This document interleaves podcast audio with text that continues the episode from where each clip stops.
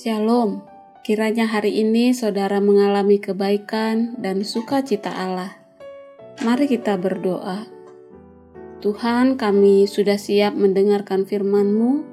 Berbicaralah dan Roh Kudus tolong kami untuk bisa mengerti. Berikan kami kekuatan hari ini untuk boleh menjalaninya seturut kehendak-Mu, sehingga apa yang baik, yang mulia itu terjadi dalam hidup kami. Dalam Yesus Kristus kami berdoa. Amin. Pembacaan perenungan firman Tuhan hari ini dari Mazmur 98. Saya akan bacakan ayat 1 hingga 3. Nyanyikanlah nyanyian baru bagi Tuhan, sebab ia telah melakukan perbuatan-perbuatan yang ajaib, keselamatan telah dikerjakan kepadanya oleh tangan kanannya, oleh lengannya yang kudus Tuhan telah memperkenalkan keselamatan yang daripadanya, telah menyatakan keadilannya di depan mata bangsa-bangsa. Ia mengingat kasih setia dan kesetiaannya terhadap kaum Israel. Segala ujung bumi telah melihat keselamatan yang daripada Allah kita. Demikian firman Tuhan. Allah yang tak pernah berhenti berkarya sampai ciptaannya diperbaharui.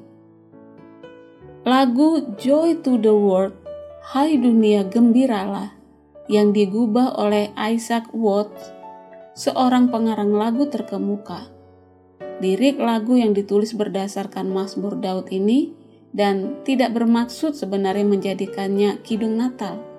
Namun ternyata lagu ini sekarang menjadi salah satu gita Natal yang paling digemari. Seluruh liriknya sangat menggugah, khususnya bait ketiga yang maknanya dalam dan menguatkan.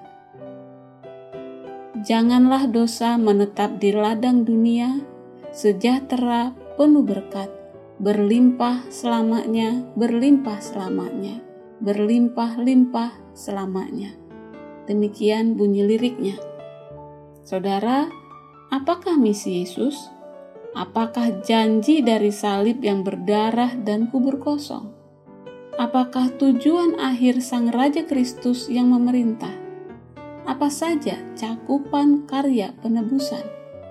Apa yang sedang Allah kerjakan di dunia?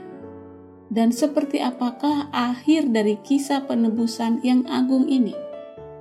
Lirik himne, himne tadi menggambarkannya dengan sangat tepat dan luar biasa. Yesus sungguh datang untuk membawa sejahtera berkat penuh berkat.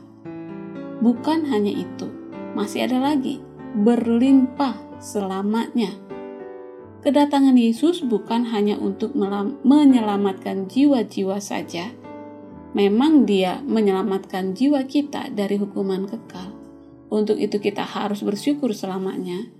Namun, ia juga datang untuk melepaskan anugerahnya yang berkuasa untuk memulihkan sejauh dampak dosa. Dia memulihkan setiap aspek yang sudah dirusak oleh dosa. Yesus datang untuk memperbaiki semuanya. Misi penebusannya lengkap meliputi seluruh perusakan dosa. Wahyu 21 ayat 5 mengatakan, Lihat, aku menjadikan segala sesuatu baru. Apakah merenungkan kebenaran firman Tuhan hari ini memberi kesegaran dan keyakinan penuh? Sehingga di tengah kehidupan kita yang sering membuat lelah, merasa sia-sia, dan frustasi oleh dunia yang rusak, tidak mengurangi sukacita kita dalam karya Kristus Tuhan. Apakah saat ini saudara penat oleh dosa, penderitaan, dan kematian?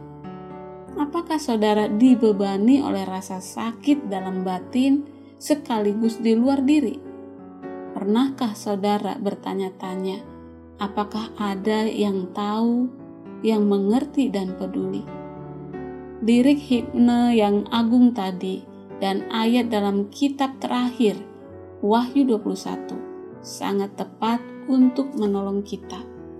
penebus kita tahu, dia mengerti dan peduli kepada kita. Anugerahnya telah dilepaskan dan karyanya tidak akan pernah berhenti hingga semua yang rusak oleh dosa dibaharui secara lengkap dan sempurna.